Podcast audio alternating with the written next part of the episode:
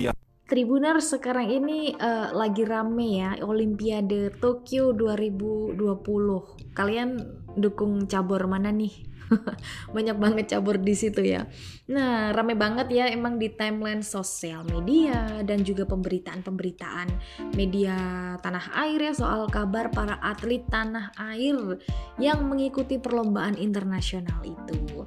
Sudah ada atlet-atlet kita yang sukses meraih medali kayak yang kemarin itu ada Windy, ada Cantika dan juga Mas Eko di caburnya masing-masing.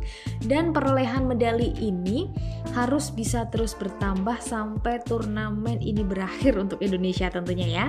Ya, mereka memang menang uh, dan mereka yang dipastikan menang ini tentunya akan mendapat reward berupa medali biasanya nih ya kalau di ajang-ajang olimpiade atau ajang-ajang internasional seperti ini ada tiga medali ya ada emas, perak dan juga perunggu gold, silver, silver belibet dan juga yang terakhir bronze. Yang paling bergengsi tentunya saja emas. Nah kalau dilihat-lihat ini ya Tribuners ya Hampir semua atlet yang juara mendapatkan emas di setiap pertandingannya selalu melakukan selebrasi gigit medali. Pernah lihat kan tentunya? Jadi ternyata itu sudah menjadi tradisi dari awal dan sudah berlangsung sangat lama. Mungkin kita kepo, ngapain sih harus gigit medali? Kenapa eh, kenapa nggak dipegang aja dan kenapa harus digigit gitu ya? Nah ini ternyata tradisi udah lama, gengs. Medali emas pertama itu diberikan pada tahun 1904 uh, eh, waktu itu di turnamen Olimpiade St. Louis.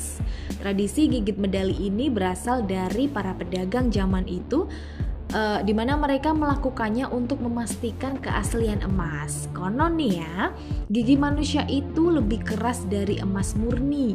Jadi nih, kalau kalian menggigitnya, tentu akan meninggalkan jejak gigi pada logam itu.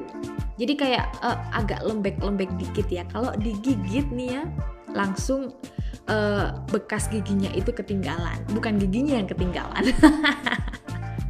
ya Ih ngaco deh Nah medali emas murni terakhir kali diberikan pada Olimpiade Stockholm di tahun 1912 Nah, sejak saat itu tidak ada lagi perhelatan olahraga yang memberikan medali dengan kandungan emas murni. Hmm, mungkin uh, mahal, semakin ke sini semakin mahal. Medali emas yang sekarang ini ternyata tidak 100% emas murni loh atau bisa jadi uh, log hanya itu sebatas logam yang dicat warna emas. Jadi medali emas sekarang ini hanya mengandung sekitar 1,34% emas dan sebagian besar lainnya adalah perak. Kalau dulu buat menguji kemurnian emas nih digigit itu ya. Kalau sekarang nampaknya hanya untuk uh, gong, eh gue menang nih dan itu untuk ikonik foto aja sih ya kali ya.